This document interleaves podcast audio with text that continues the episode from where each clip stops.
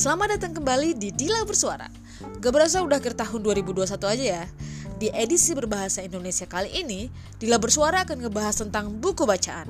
Hal ini dilatar belakangi dengan fakta menyedihkan bahwa dari hasil survei PISA, Indonesia ada di peringkat 62 dari 70 negara pada tingkat literasinya.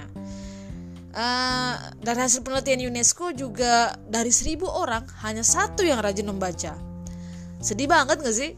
Nah, berhubung ini akhir tahun, udahlah sekalian flashback deh ke belakang waktu kita-kita masih kuliah di Elektro 2009. Dila bersuara waktu itu sangat suka pinjam buku dari Wahyu Hanaldi. Yang gak tahu Wahyu Hanaldi, beliau merupakan engineer di Indonesia yang juga punya toko buku sendiri saat ini. Nah, di saat yang bersamaan waktu itu, zaman kuliah, Dila bersuara juga sering berdiskusi dengan Yuda Pratama. Ya, kurang lebih ngebahas isu-isu saat itu sih. Nah, buat yang gak tahu beliau, ya beliau juga merupakan engineer yang saat ini berada di Indonesia. Mau tahu buku-buku apa saja yang telah kami baca dan apa sih dampak dari membaca buku bagi kami? Nah, silakan aja simak episode kali ini para pemuda yang gak remaja lagi.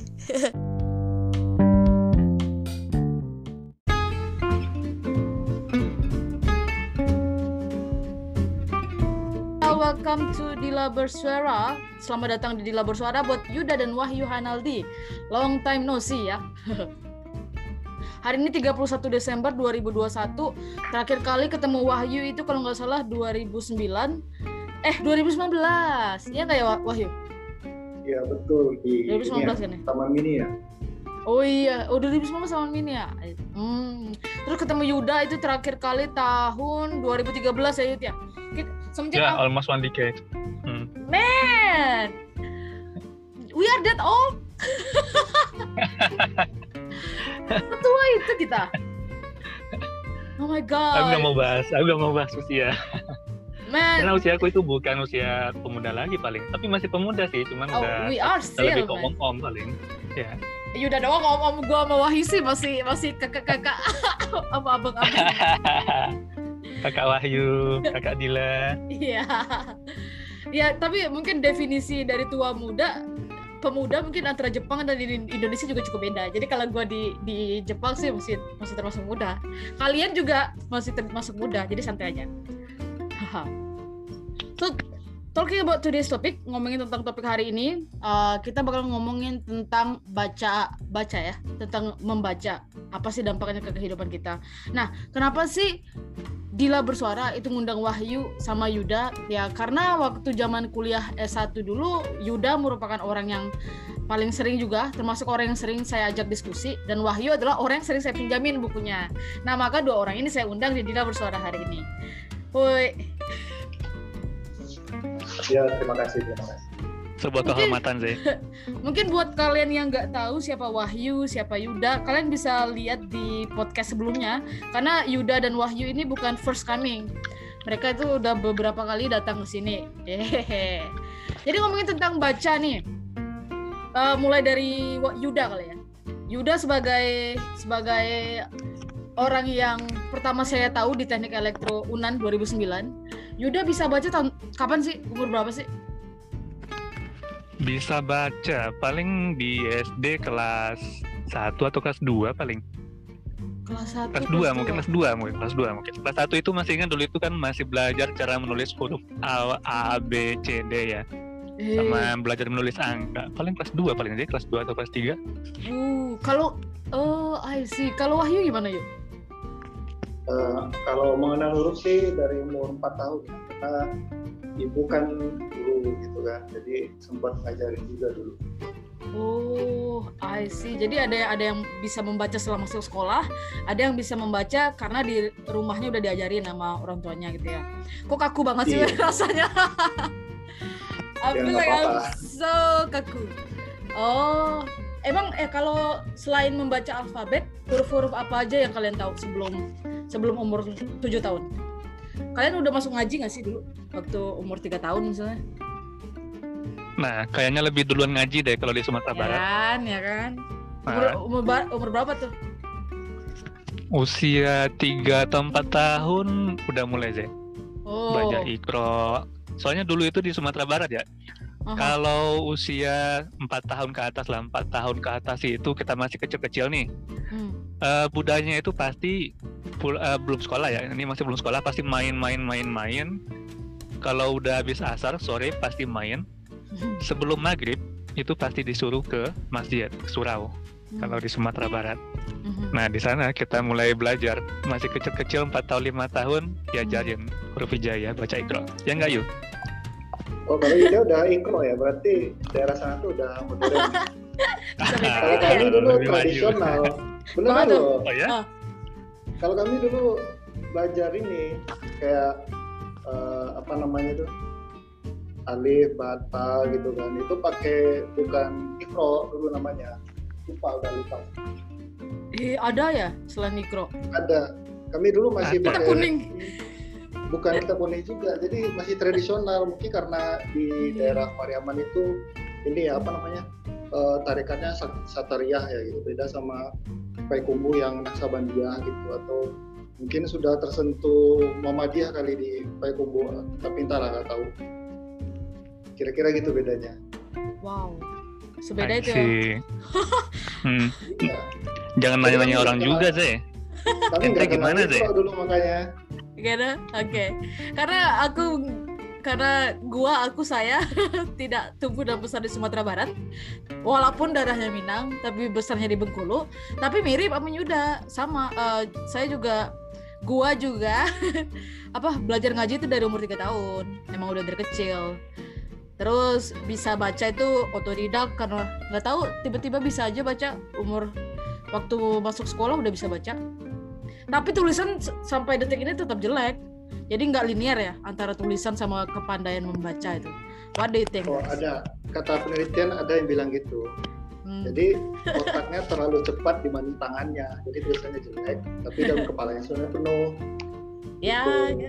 atau kekuatan tangan kali ya nggak tahu lah kenapa bisa sejelek itu tulisan tulisan ambo sekarang ambo deh terus kalian tahu nggak sih kalau mungkin kalian juga udah pada tahu nih Indonesia tuh dari zaman dulu kala kayaknya. Semenjak ada tes dari PISA atau atau survei dari UNESCO uh, tingkat literasi kita tuh selalu di bawah di bawah is that correct? Di bawah di bawah tu, uh, 60 lebih tepatnya sih peringkat itu tuh di peringkat 62 untuk masalah tingkat literasi. Kalian tahu nggak sih tentang itu? Dari dulu perasaan gue Hmm, iya sih tahu, tahu. Dulu Ya. 2018 juga sempat peringkat 60 kalau nggak salah 60 apa 61. ya tapi tim PISA kalau menurut gua dia menggunakan kalimat yang pas ya. Daripada tingkat membaca mereka bikinnya tingkat literasi. Karena kalau kalau sekarang nih zaman digital mungkin membaca itu definisinya udah jadi luas ya kan? Nah sebelum kita masuk ke topik lebih detail bagi Yuda dan Wahyu nih. Mungkin dari Wahyu dulu kali ya definisi membaca dari Wahyu itu sendiri apa sih jadi biar kita sama nih persepsinya nanti ketika kita ngebahas tentang membaca membaca gitu Membaca tuh kegiatan eh, memproses sesuatu dari yang tidak tahu menjadi tahu kan. Hmm, I see. Kira-kira kayak gitu. Jadi bukan ini ya, menurut istilah, jadi menurut pemahaman sendiri. Hmm. Jadi membaca tulisan berarti memahami tulisan itu, jadi kita biar ngerti. Membaca gambar, memahami gambar, kita ngerti apa maksud gambarnya. Mungkin seperti itu ya. Hmm, I see. Pendapat Kalau pribadi ya. hmm, no problem. There's nothing wrong there. Kalau Yuda gimana? Hmm, mirip sih. Membaca itu adalah proses yang dilakukan oleh si pembaca itu sendiri untuk menangkap pesan atau informasi dari sebuah dari tulisan tersebut. Oke. Jadi mungkin kalau kita generalisasi membaca di di kita- mungkin kita bisa bilang hari ini tuh kita diskusi kali ya. Do you agree with that? Boleh gak sih kalau kita pakai istilah diskusi hari ini? Nah, Yuda oke?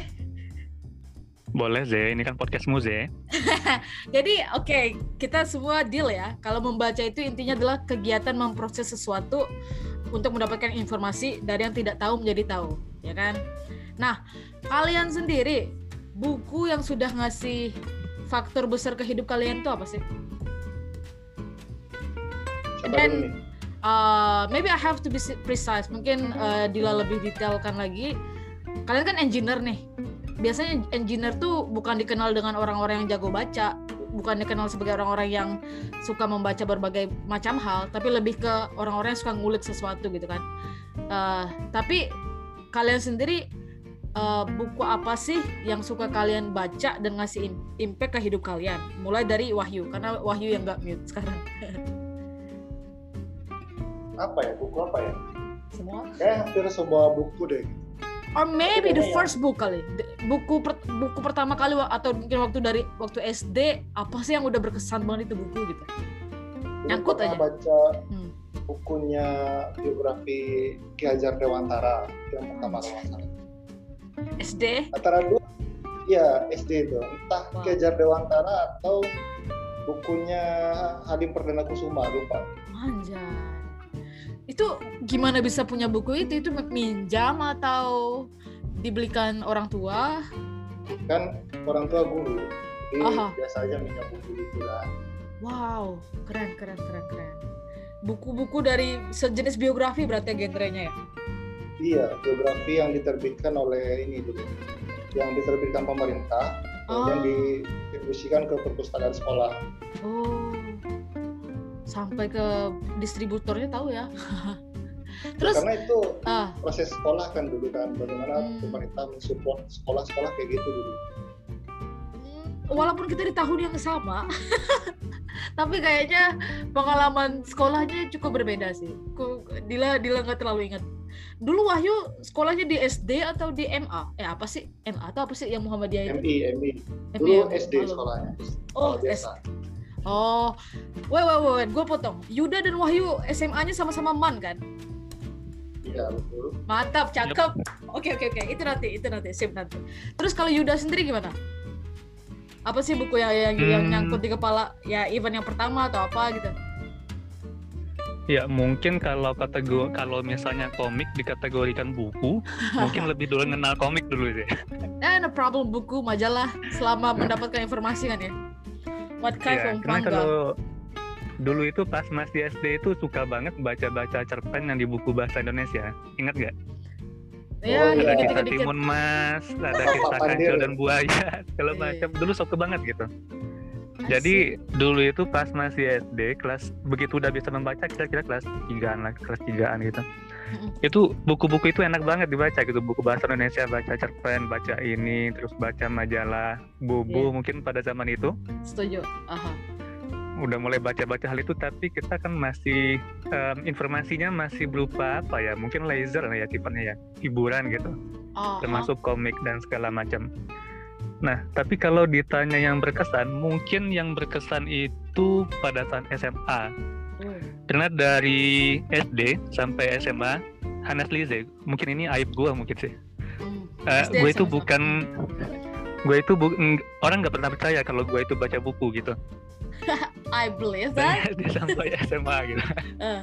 Soalnya dari SD sampai SMA itu paling kalau orang bilang, oh si Yuda itu dia sukanya main game, ya oke. Okay. It, it's a fact gitu. Uh. Nah, tapi kalau ada yang bilang si Yuda itu baca buku, geger satu kelas dan itu kejadian pas SMA, buku pertama yang aku baca. Uh. Itu bukunya, judulnya itu aku nggak salah jurus sehat Rasulullah apa hidup sehat Rasulullah gitu. Apa Wahyu? Sebagai pemilik, nah, pemilik toko buku. Oh enggak, itu bu buku kayak gitu. Tahu nggak yo? Kalau nggak salah jurusnya itu namanya itu jurus sehat Rasulullah gitu. Yang itu ingat banget. Nah, semuanya itu diatur di buku itu mulai dari bangun tidur sampai tidur lagi. Wee. Yang ini ada kaitan nih sama penelitianmu neuroscience mungkin Z kayak hmm. fase tidur yang REM dan NREM oh, itu. Ada kan? SMA ya, ada ada. SMA udah baca itu. Oh, karena ada korelasinya. SMA baca itu. Oh, jadi di buku itu dia udah ngulik dikit tentang REM sama NREM. Ngulik dikit tapi bukan eh. tentang algoritma yang kamu yang kamu pelajari lah pastinya tentang oh Emran ini tidurnya lebih enak oh ini ini mm-hmm. kalau mau fase tidur yang buat istirahat nah ini nih cara capeknya gini gitu doang. I see. Dan, jadi bu hmm. dan selaku bocah SMA buku yang dibaca itu cuma sebatas masuk doang gitu. Itu sih kejadian yang pengalaman pertama. Yang sampai sekarang itu juga insya Allah masih ingat. Wow bisa beda banget gitu ya Terus kalian waktu di elektro, di elektro sendiri, Yuda baca buku gak sih? Kalau Wahyu sih gue nggak heran sih, karena gue sendiri minjem buku dari dia. Pas di elektro ya? Uh, waktu kita um, masuk kuliah. Iya. uh, gini, kalau pas dia pas masih kuliah itu gini, uh, mungkin prinsip pribadi dulu ya. Um, dari dulu itu kalau prinsip pribadiannya nih kita bela eh, kita baca buku atau kita belajar itu motivasinya paling gede itu cuma dua doang paling. Betul. Satu keinginan atau minat, yang Aha. kedua itu kebutuhan. Weh, keinginan. Nah. gue catat ya. Oke, Kebutuhan. keinginan Hai. dan kebutuhan. Hai, hai. Nah, kalau keinginan ini kan sebenarnya tanpa paksaan ya gitu. Kita enjoy aja gitu baca buku apa pun kita enjoy itu keinginan. Aha. Tapi kalau kebutuhan itu kan bisa jadi kita uh, benar-benar enjoy dan pasti juga lagi butuh Hmm. atau kita itu beneran terpaksa gitu. Mau nggak mau kita harus baca nih. Kalkulus itu harus kita mati nih 10. Kalau nggak kan Aha. besok mau ujian misalnya gitu. Iya. Kalau mungkin dibagi konteksnya pas masih di elektro dulu paling untuk buku itu proporsinya paling kira-kira 60 40 lah. 60 Banyak, buku-buku yang terkait sama kebutuhan. Bukan, maksudnya bukan kuantitinya, persentasenya. Oh, asyik, asyik, asyik, asyik, asyik. 60% buku-buku yang terkait sama kebutuhan, 40% paling cuman yang Aha. terkait sama keinginan kita beneran eh, tertarik buat baca gitu. Aha. Eh, bisa sampai dikategorikan gitu ya. Mantap juga sih. Gak kepikiran sih bakal ke situ alurnya. I see. Kalau Wahyu sendiri gimana waktu zaman di elektro dulu? Apakah Zaman juga kuliah 60 40 proporsinya? apanya minatnya Wah, ketika membaca buku buku buku ini- kuliah gitu. Hmm. kalau membaca buku tuh bisa dibilang eh, orang tertarik membaca kalau ada yang mau dibaca di dalam buku itu kan Aha, jadi kalau mirip ya. Hmm. eh, jadi kalau misalnya saya tertarik buku apa nih sastra misalnya atau apa gitu. Hmm. wah menarik tuh bukunya kalau saya dulu kan misalnya tertarik sama Buya Hamka gitu kan Oh nah, iya. makanya eh, bacanya Buya Hamka gitu kan Aha, tapi karena perkuliahan itu ini dulu berat gitu kan iya. jadi ya kadang baca buku kalkulus yang kayak Yuda bilang tuh agak setengah hati juga sih kira kayak gitu Same. jadi kita belajar tuh atas dasar ketakutan aja takut dapat nilai jelek dari dosen gitu kan terus apa lagi ya yang kayak gitu kira-kira I see. Well, jadi agak ini ya, agak speechless sih. Kalau gue inget-inget lagi masa gue kuliah buku pelajaran berapa sih yang gue baca nggak nggak nggak nggak nggak nggak tahu nggak nggak nggak ingat lagi sih berapa proporsi kalau dari Dila sendiri ya. How many percentage I read the book? I cannot remember. Ada banyak memori zaman kuliah tuh yang yang udah hilang semenjak selesai kuliah PSD ini broken my brain. But anyway Yuda, uh, thank you Hmm. for Wahyu. Uh, bisa nggak sih share ke kita semua buku yang tadi kan uh, bilang jurusan ala Rasulullah ya. Ya. Dari buku itu poin penting apa sih yang pengen Yuda yang selalu Yuda ingat gitu dari buku itu sendiri? Karena kan kalau kita berkesan tentang sesuatu biasanya biasanya kita ingat dan kita bawa ke Mhm. kehidupan kita. So from that book, what kind of message you got? Tidur tadi. yang tidur itu Nggak semua tidur tadi. emang Yuda yang tidur rem dan sekarang non rem gitu. Emang eh, kalau Yuda sendiri menerapkan tidur 8 jam 7 jam sehari? Paling kalau diukur rata-rata mungkin kira-kira 7 jam mungkin saya I see. Rata-rata. I see. Well sleep is good. Eh, tidur itu bagus ya untuk untuk memori kita juga gitu. Jadi ketika kita cukup tidur kita juga bisa memberikan performance yang bagus dalam bekerja. Karena kan orang nih kalau apalagi engineer ya masa-masa mahasiswa pengen tidur siapa yang paling sedikit tidur itu yang paling jago? Padahal nggak nggak gitu juga konsepnya gitu.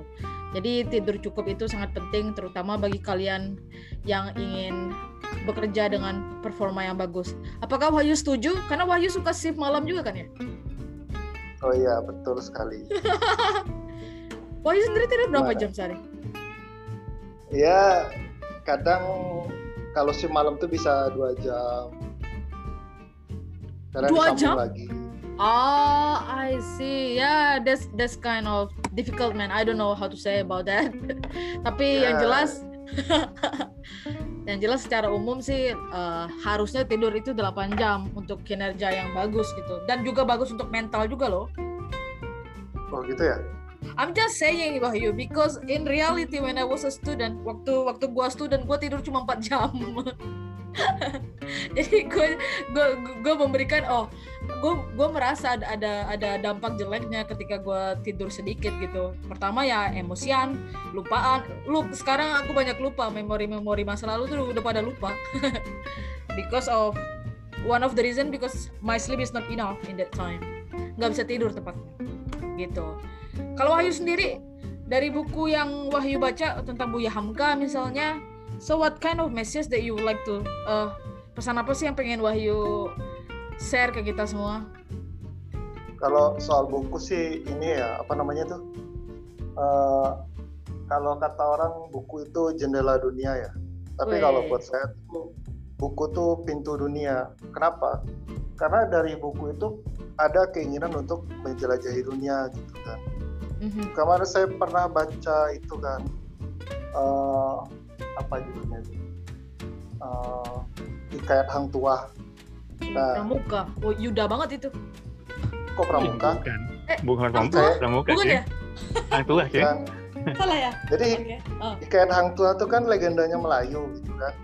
Nah, Aha. dia tuh berasal dari kerajaan Malaka. Aha. Nah, kemarin saking tertariknya baca bukunya kan, saya samperin tuh Malaka itu. Saya cari tuh jejaknya di mana aja gitu kan.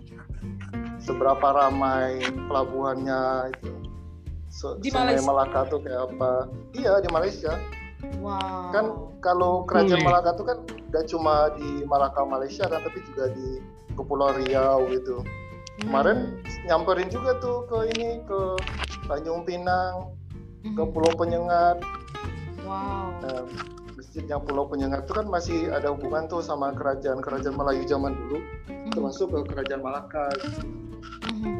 jadi intinya gitu jadi wow. setiap setiap saya baca buku itu uh, biasanya akan membawa kita itu ke dunia nyata gitu. Atau bilang gimana agak kurang jelas itu. No, I, I uh, understand. Iya, artinya uh, dengan membaca buku dunia itu menjadi dua kali lebih luas kayak gitu kira-kira. Ah, jadi ingat Chris Pati. Hidup ini adalah sebuah buku. pada tahu kalian? Gak tau ya? Ya udahlah. Gak tahu. Kalian kalian berdua udah pernah baca buku Andrea Hirata gak sih? Gara-gara Wahyu bilang buku adalah pintu dunia jadi ingat Andrea Hirata. Waktu zaman kuliah itu gue suka banget baca buku-bukunya beliau. Nanya siapa nih? Wahyu dan Yuda. Wahyu dulu deh. Nah, Andrea pernah Hirata. Laskar Pelangi exactly. Laskar Pelangi pernah oh cuman Eden... ya uh -huh. ya cuman karena itu ya uh, Andrea Hirata tuh terlalu banyak deskripsi jadi kurang ini kurang, kurang apa namanya? buat Wahyu. Iya, secara pribadi sih. Jadi makanya buku berikutnya tuh gak dibaca. Oh, nah, kalau an- bagus. Iya, kurang tahu juga sih, kan belum baca juga. Aha. Ya, itu aja sih. Hmm, see. Kalau Yuda sendiri gimana? Andrea Hirata udah baca belum? Bahasa-bahasanya enak loh, Yuk. Desio? Maksudnya bahasanya pas kita ngebaca itu kan memang apa ya dulu mungkin pernah pengalaman tinggal di daerah Riau juga pas oh. SD sekitar berapa tiga tahun atau empat tahun lah dulu di sana. Uh-huh. Jadi di sana itu memang bergaul dengan orang Melayu dan untuk informasi ya kalau kita di Riau itu memang di sana cukup banyak orang Minang yang di Riau. Tapi uh-huh. bahasa keseharian itu kalau bahasa Minang itu kayak bahasa kasarnya di sana gitu. Eh, kalau di Riau. Melayu soalnya Riau. Kebanyakan Melayu, bahasa Indonesia, Indonesia Minang lah gitu bahasanya di sana dan itu memang bahasa-bahasa yang disampaikan yang di bukunya Andrea Hirata itu beneran kayak bahasa-bahasa Melayu yang tempo dulu gitu. itu yang enaknya pas ketemu di sana. Pas baca buku-buku itu wah ini enak nih yang jadul. Jadi kayak beberapa buku Laskar Pelangi, Edenson, Mariana Makarpov. Iya. Yeah. Oh, sama kayak iya, iya, iya. Ayah dulu pernah baca kan Ayah? Gak sanggup gue bacanya, gue udah ke Jepang itu. Iya, enak maksudnya. Ya nangis gue, gue jauh juga kali. Bagus, bagus Enggak, gue gue batas batas ay batas yang apa tuh? Yang terakhir dari aduh empat seri empat series dari Laskar Pelangi ya kalau nggak salah ya. Maria Makarpo baca kayaknya. Pokoknya kalau yang udah ke ayah rasanya gue nggak baca deh, gue nggak ingat. Rasanya nggak baca karena gue takut sedih. gue menghindari cerita-cerita yang bakal bikin gue kangen kampung, to be honest. Seperti itu. Ah sih pak, uh, generally Yuda sendiri suka ya baca buku Andrea Hirata? suka banget. Zaman kuliah tuh. Itu justru pasca kuliah, justru kalau ditanya ke buku-buku kayak novel, kayak buku-buku yang yang lain lah gitu, buku Aha. motivasi, buku bisnis, buku engineering segala macam. Aha. Herannya justru setelah kuliah justru sih. Oh karena ada waktu mungkin. Zaman Ya. kuliah kan Yuda kan asisten profesor, asisten apa? Asisten lab. Enggak juga, justru kebanyakan hura-huranya mungkin. Oh, didengar yang lain. ya, tapi kalau dulu Andra Hirata dulu pas kuliah paling cuma kebaca ya dua doang paling Masker Pelangi sama waktu itu Maria Makarpov minjam ke teman. Minjam gambo bukan? Setelah itu Minjam ke oh Fadila ya? Zaniba Enggak, enggak, bukan bukan. Waktu itu Bukan yang ya? minjam ke kamu itu yang ini Zeh, yang Sirah Nabawiyah dulu. Maju deh. Surat baca pinjam Sirah Nabawiyah hampir satu semester itu gak dibalik-balikan. Oh iya, oke ingat. masih ingat ya? Aku masih ingat. Eh, I see. Gitu. Buku apa lagi Ya, ya? itu sih. Aha. Buku apa lagi Paling ya? setelah itu baru baca-baca yang komplit eh, yang Andrea Hirata, Terelie juga bagus. Oh. Terelie tem- dengan bahasa-bahasa satiranya kalau lu pernah baca Negerinya Para Bedebah, Negeri di Ujung Tanduk, Gak pernah baca gue. Enggak. yang Ah, sekarang kan yang aku lagi baru pulang pergi. Enggak, gue enggak. Nah, Gue lebih ke adventure kalau gue genrenya. I see. Bagus sih, bagus. Hmm, kalau si Wahyu ba- baca nggak sih Terelia? Terelie baca. Gimana tuh menurut Cuman lo? dari beberapa bukunya tuh mungkin paling suka tuh yang rindu. Wow, aku nggak ada ide. Kalau Oh. kalau kalau rindu tuh petualangan loh. Uh, gila. Soalnya- Eh, Dia petualangan uh, lebih kayak ini juga apa namanya itu thriller juga. oh, Petualangan, thriller, drama. Kalau disilahkan dengan film ya. aha. Jadi saran saran buat Dila sih ya coba baca aja gitu. Bagus Is, is, is, that the real thing or fiksi? Fiksi. Ya fiksi. Ah, Ter- Terelia kan nggak ada bikin ini, nggak ada bikin non fiksi, semua fiksi. maybe that's why I don't read his book karena uh, kayak Andrea Hirata itu kan kis- kisah kisah nyata yang se- semi hiperbola dikit ya terus Mhm. gue juga gue juga suka ini apa uh, titik nol. Udah pada pada baca belum? Karya Agustinus Wibowo. Titik Oh. nol. Man! Orangnya tahu, punya Oh. oh really? How do you know the oh my god. How do you know the person? Di Kick Andy. Ah, yeah maybe kalau Dila sendiri sih tahu beberapa buku emang dari Kick Andy sih to be honest eh Ya, Kalau- Kick Andy suka nawarin buku ya. Exactly. Agustinus. Kayaknya dulu gue bikin blog gara-gara gara-gara Kick Andy deh. Si Andrea Hirata nawarin buku. Jadi gue bikin blog. Ya tapi gue nggak menang gitu lah seperti itu. Kalau Yuda sendiri gimana? Udah pernah baca titik nol? Belum, belum. Man, I really recommend you to to read that. You guys, I hope.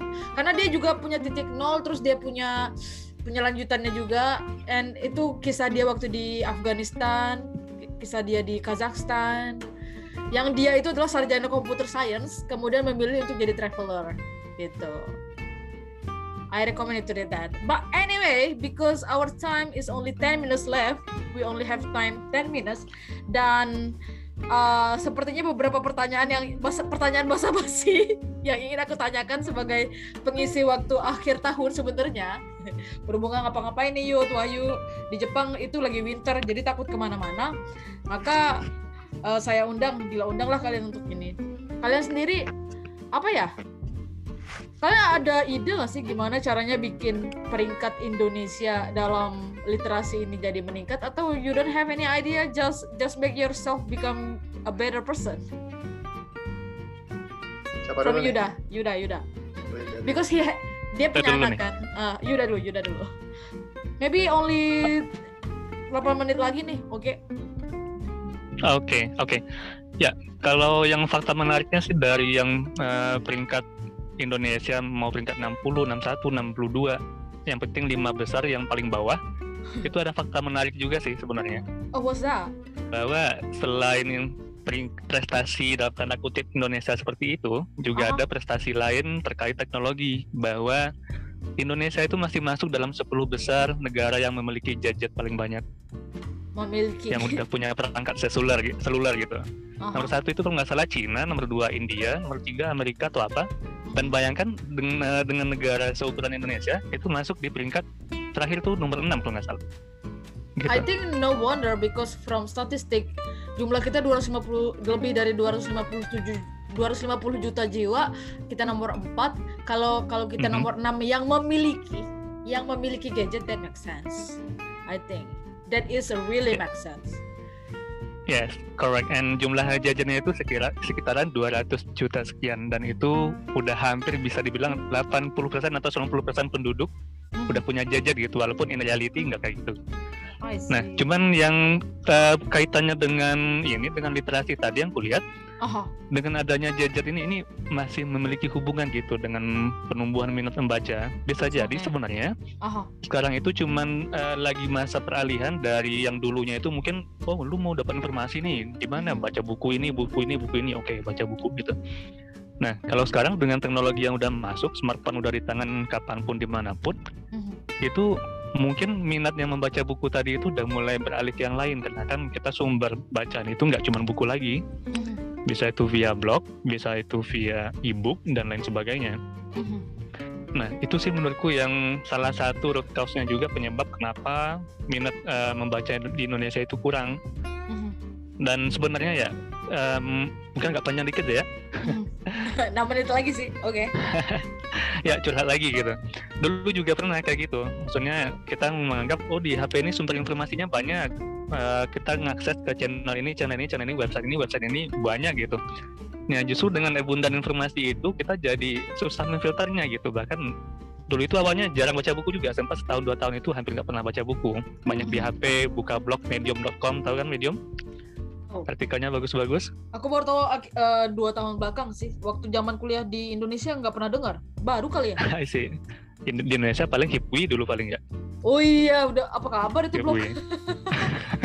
Iya. ya. nah dulu itu kayak gitu banyak baca di internet doang Eh. searching ini searching itu cuman ya itu karena kebanyakan informasi kita itu jadi capek memfilternya ini benar nggak sih ini benar nggak sih gitu kadang Eh, juga yang oh. nge-share itu kita nggak tahu backgroundnya itu gimana gitu jadi beberapa tahun ke belakang balik lagi ke buku Anyway, gitu sih deh tentang tentang ya good point of view uh, kita bisa lihat dari dari teknologi sebenarnya kita udah punya udah bisa mengakses sebenarnya ya. Dan kebetulan peneliti Indonesia dari Tokyo Institute of Technology mereka tuh ada orang Indonesia yang mencoba uh, mencegah berita hoax. Dia udah wisuda sih. Aku nggak tahu dia lanjutin risetnya atau enggak but ya let's we see apakah nanti ke depannya peringkat Indonesia bisa naik atau enggak dengan semakin banyaknya orang yang punya gadget semoga bisa semoga bisa ya. I'm not sure but because uh, only four minutes left Wahyu is your time. So what do you think about that? Do you have any idea? Ada ide? Kalau soal ini ya menumbuhkan minat baca. Sebenarnya kita punya misi yang sama gitu kan. Bedanya tuh bila tuh dari sisi orang atas gitu kan. Menggunakan eh, jaringannya kekuatannya mempengaruhi yang di atas gitu kan. Kalau saya tuh dari bawah. Itu alasannya energi itu didirikan gitu kan. Asik. Dan kita punya minat baca terus kita beli buku kan. Kita beli ke Gema Insani terus dapat privilege bahwa dengan membeli buku sekian kita bisa uh, mendapatkan diskon yang besar. Sehingga uh, kita jadi punya banyak buku nih gitu kan wah kenapa tidak sekalian kita jualkan ke teman-teman yang lain gitu kan supaya yang lain itu juga punya akses membaca itu dari energi store oh dan jadi sebenarnya, aha. sebenarnya saya juga punya ide nih di rumah di Bogor ini supaya menjadi perpustakaan. Makanya kita bakal koleksi buku yang banyak-banyak. Kemudian rumah kita buka siapa pun yang mau datang, mau punya minat baca atau gimana, silahkan datang Bu. Silahkan datang ke rumah. Jadi semua orang punya eh, akses membaca, eh, minat baca naik, kemudian tercapailah semua misi kita kayak gitu kira-kira wow jadi uh, salah satu bukti nyata yang udah Wahyu lakuin itu adalah bikin buku eh bikin toko buku ya NR Bookstore dan itu sebenarnya orang-orang kalau mau kalau mau mengakses wadah yang Wahyu siapkan itu via Instagram doang atau ada tempat fisiknya itu di Bogor itu ya? Di Bogor ini karena bukunya baru sedikit ya jadi eh, nggak bis- nggak begitu banyak juga sih yang ditawarkan. Dan lagi pula yang ada sekarang tuh palingan ya buku yang nggak diminati semua orang gitu kan. Ada buku National Geographic siapa yang minat lihat gambar monyet gambar beruang gitu kan. Anak IPB ya terus buku apa lagi nih? Buku oke. Power, I- power aha. elektronik siapa yang minat gitu kan? Yuda. Power elektronik jelas, soal enggak. I see. But anyway Wahyu if you have a problem with the book ah aku bisa ngirimin buku sih karena aku juga banyak buku di kamar. Cuma masalahnya corona nih susah yang ngirimin buku ya. Buku apa? Buku apa? Apa-apa sih? Buku bahasa Inggris semua sih dan Aduh. mungkin waduh si Yuda. Ya ada ada banyak sih. Ah, mungkin gue cek lagi deh di rumah Indonesia kayaknya juga ada beberapa buku yang pernah gue bawa. Dan kayaknya mama juga nggak mungkin baca. Maybe I can I can share it to your place. I will contact her later. Is that okay? Nanti kita diskusikan lagi. Tip, rumah gue di Indonesia banyak buku kok. Penuh sama buku nggak tahu lagi taruh di mana. Siap siap siap. Siap siap. Oke. Maybe that is our talk today. Mungkin uh, dari para pendengar ada yang bingung ini pada cerita apa gitu kan ngomongnya kok campur-campur. Ya inilah kita kita mencoba untuk bertemu kembali berkumpul kembali setelah sekian lama tidak ketemu. Seperti kata Yuda sebelumnya udah 10 tahun kita nggak ketemu untuk untuk Yuda gitu kan. Almost almost 10 years. Kita setua itu teman-teman. Dan kita terus mencoba untuk mikirin apa sih yang bisa kita lakuin untuk Indonesia dan buat kalian para pemuda Indonesia yang masih remaja. Ya teruslah membaca buku dalam bentuk apa pun itu mau itu mau dalam bentuk uh, software ataupun dalam bentuk hardwarenya itu karena Muhammad Hatta sendiri bilang aku rela di penjara asalkan bersama buku karena dengan buku ayo apa tahu nggak? Baru tahu nggak? Karena dengan buku aku bebas. Itu dia Dila bersuara hari ini. Bye bye